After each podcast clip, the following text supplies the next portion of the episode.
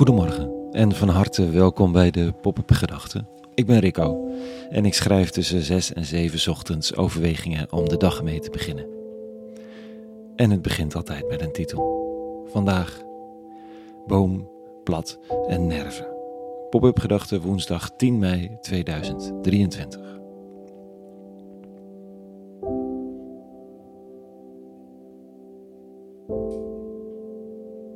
De ruitjes in de sponningen van mijn raam geven zicht op een kastanjeboompje. Ze groeit midden in onze straat in de Amsterdamse binnenstad. De Jordaan hier is een onbetaalbaar juppenparadijs geworden, maar gelukkig niet helemaal. Hier wonen nog sociale huurders en nu dus ook leefgemeenschap bewoners zoals wij. Als ik ochtends de steile trap afsluip om in stilte in het hoekje bij het raam de pop-up gedachten te maken, zie ik sinds enkele weken de gracht niet meer. De kleine kastanjeboom groeit met centimeters per dag en afgelopen weken hebben zich grote groene bladeren uit de takken naar buiten geperst en ontrold. Het is fris, het is groen. Het is een enorme levenskracht die hier zo in stilte voor mijn raam zich afspeelt. Deze kastanje begon als klein boompje in een getimmerde houten bak met aarde. Deze bak is inmiddels decor. De wortels hebben zich een weg gebaand, dwars door de onderkant van de bak heen langs de straatstenen de grond in. Hier heeft zich een boom gevestigd.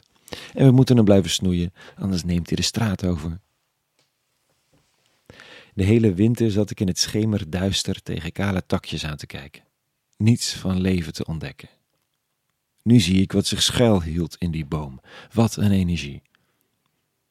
En ik vraag me af hoe dat bij mij zit en bij ons. Of ik zulke winterperiodes ken en wat er dan uitbot als de zon gaat schijnen en de temperatuur iets oploopt. Of er parallellen liggen tussen deze takken voor mijn raam, de stam waar ze uit voortkomen, de bak waar ze uit zijn gegroeid en de plek die het inneemt.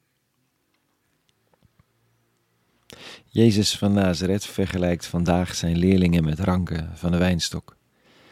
Waarschijnlijk zo onderweg ergens in de velden van dat Midden-Oosterse land, tussen wijnstokken vol zware druiven, wijst hij naar een van de druivenbomen die in het oog springt, zoals de kastanje dat doet voor mijn raam. Kijk naar die takken. De wijnboer snoeit wat vrucht draagt en knipt weg wat alleen maar een lege scheut is. En een rank die loskomt van de wijnstok, die maakt geen kans meer op vrucht dragen. Dit staat er. In die tijd zei Jezus tot zijn leerlingen: Ik ben de ware wijnstok en mijn vader is de wijnbouwer. Elke rank aan mij die geen vrucht draagt, snijdt hij af. En elke rank die wel vrucht draagt, zuivert hij opdat ze meer vrucht mag dragen. Blijf in mij, zoals ik in u. Zoals de rank geen vrucht kan dragen uit zichzelf, maar alleen als hij blijft in een wijnstok, zo gij evenmin als gij niet blijft in mij.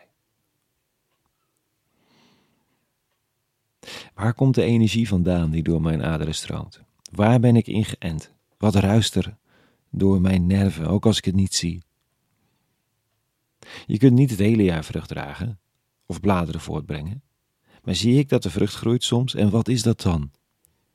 Zijn dat spectaculaire acties of mooie projecten? Zijn dat impactrijke campagnes of bijzondere verschijnselen?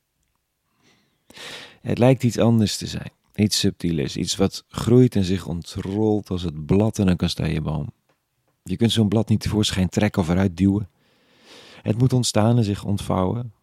Zo ook het vruchtdragen waar de rabbi het over heeft. Ingetapt zijn in de bron die hij bedoelt, betekent het voortbrengen van liefde, vreugde, vrede, geduld, vriendelijkheid, goedheid, vertrouwen, zachtmoedigheid en matigheid. Vruchten. Vruchten van de geest. Niet echt lekker smart geformuleerd. Te meten is het niet. Maar weten kun je het op zich wel, hè. Als mijn geduld weer opraakt, mijn liefde beperkt lijkt tot de mensen aan wie ik echt wat heb, of die mij lief hebben. Als de levensvreugde mijn mondjesmaat aanwezig is, dan is het ofwel winter, dat kan. Of ik moet even checken of ik nog aangesloten ben. En of ik me weer kan aansluiten. Of ik een tool kan vinden om me op te laden, om iets te laten stromen wat me rust geeft. En vreugde, iets van dat goddelijke door me heen. Ik kan het niet zelf fixen, ik ben niet mijn eigen krachtbron. Maar als ik verbonden ben, dan stroomt het wel door me heen en is het zo eigen als het me kan. Ook in de winter. Ondertussen pikken twee grote houtduiven bladeren kaal in een kastanje voor mijn raam. Hoort er ook bij, blijkbaar. Net als het kortwieken door de wijnboer. Of door een stadsbewoner die anders niets meer ziet door zijn raampje. Dan is er even geen vrucht en lijkt de rijkwijtje, rijkwijte fix ingekort. Wat alleen dan maar weer goed is voor de groei. Tot zover vandaag. Een hele goede woensdag gewenst. En vrede. En alle goeds. En de groeten van mijn kastanjeboompje.